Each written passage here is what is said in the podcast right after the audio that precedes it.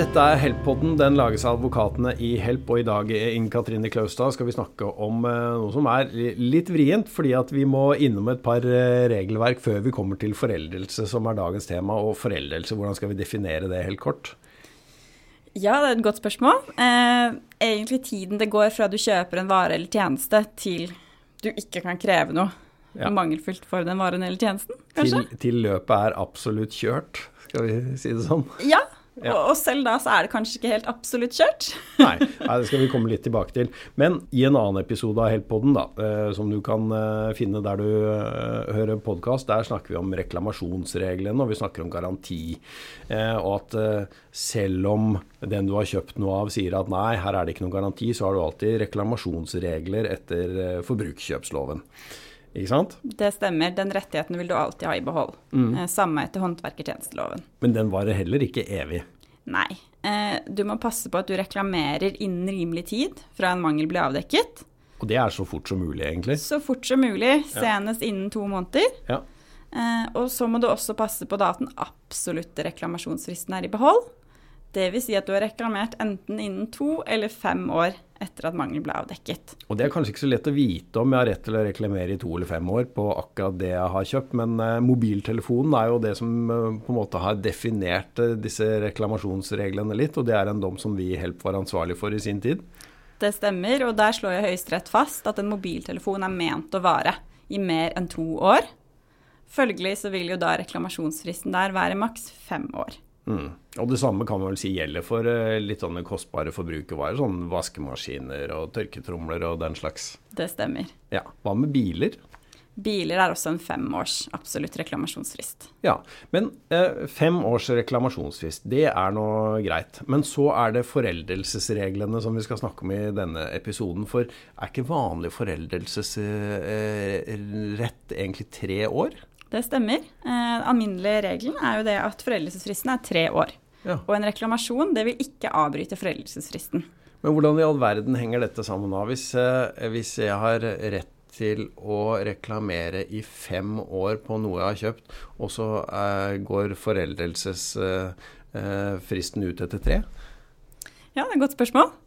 Heldigvis så har man en tilleggsfrist i ja. foreldelsesloven. Eh, det følger av foreldelseslovens ti første ledd at du får en utvidet foreldelsesfrist, mm -hmm. eh, som da gjelder i ett år, fra du da har fått nødvendig kunnskap om en mangel. Så det det betyr, er at hvis du kjøper en bil 1.1.2020, mm.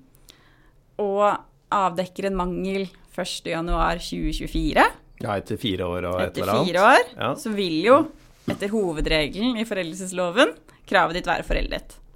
Men du er jo fremdeles innenfor den absolutte reklamasjonsfristen på fem år. Ja. Og da inntrer denne tilleggsfristen som vi har i foreldelsesloven. Det betyr da at du vil få en tilleggsfrist på ett år fra da du avdekket mangel.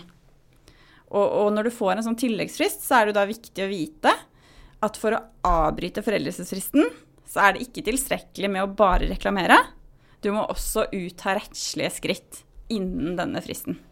Og rettslige skritt, det er altså eh, Enten forliksklage eller eventuelt stevning, hvis man skal gå rett dit. Ja. Forliksklage, det er jo uh, sånn som man uh, kanskje kan klare seg selv uh, når man skal skrive. Eller så anbefaler vi vel kanskje å søke advokathjelp i, når det går så langt.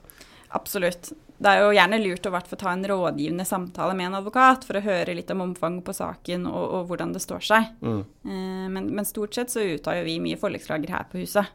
Mm.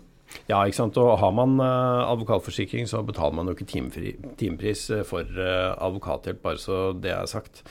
Men da er det altså sånn at uh, reklamasjonsretten, uh, eller for, for, saken er ikke foreldet, eller kravet mitt er ikke foreldet selv om det har gått mer enn tre år, så lenge jeg er innenfor femårsfristen uh, når, jeg, når, jeg, reklamerer. For det den stemmer. femårsfristen er absolutt. Men har jeg da dårligere tid innenfor Altså da er det kanskje lett å tenke at ah, heldigvis nå har jeg et helt år på meg til å til å forberede et ordentlig realt krav. Eh, er det da noen andre frister som gjelder innenfor dette året som jeg nå har fått i gave? Vi har jo den relative reklamasjonsfristen først. Mm. Du må reklamere så snart som mulig, mm. senest innen to måneder. Ja. Så lenge du har ivaretatt den, så, så, vil du ha dette året på deg. Mm. Eh, men, men, da er det jo viktig at da må man bruke det året på å mm. ut av rettslige skritt. Ja. Og et annet alternativ til å avbryte en foreldelsesfrist vil jo være at partene avtaler dette seg imellom.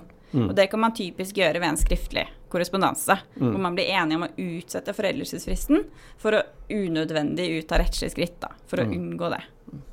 Men du, eh, det er jo eh, det kan jo kanskje virke litt uh, urettferdig, fordi at sett at den som har solgt meg et eller annet, viser seg å være en luring. Altså denne bilen eller hva det nå er, den er reparert med gaffateip og Altså her er det gjort ting for å skjule at det er noe alvorlig galt med bilen. sitter jeg likevel med skjegget i postkassa når jeg finner ut at det er noe gærent, og så har det jammen gått mer enn fem år, gitt. Hvis vi er i håndverkertjenesteloven, mm -hmm. eh, og, og, det har vært utført en håndverkertjeneste enten på bilen din, du har vært på et verksted og fått utført en jobb, eller en håndverker har pusset opp badet ditt hjemme, mm.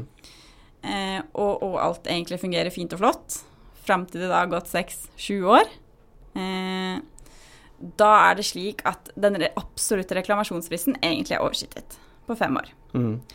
Men i håndverkertjenesteloven så har man en ekstra paragraf for å beskytte forbrukeren i disse tilfellene. Og den sier det at hvis en håndverkertjeneste er utført grovt uaktsomt, så gjelder ingen reklamasjonsfrist. Mm. Det da, eh, spiller det da noen rolle om eh, den utførende håndverkeren bevisst har gått inn for å lure meg, eller om man bare har gjort en fryktelig dårlig jobb? Grovt uaktsomt er en veldig høy terskel, ja. Eh, så det skal kjempemye til for å kunne anvende den paragrafen, men, men jeg har gjort det selv i et par tilfeller. Så man må bare passe på å få tilstrekkelig dokumentasjon på plass, reklamere så snart mangelen avdekkes, og da forholde seg innenfor denne tilleggsfristen man får i foreldelsesloven på ett år. Mm.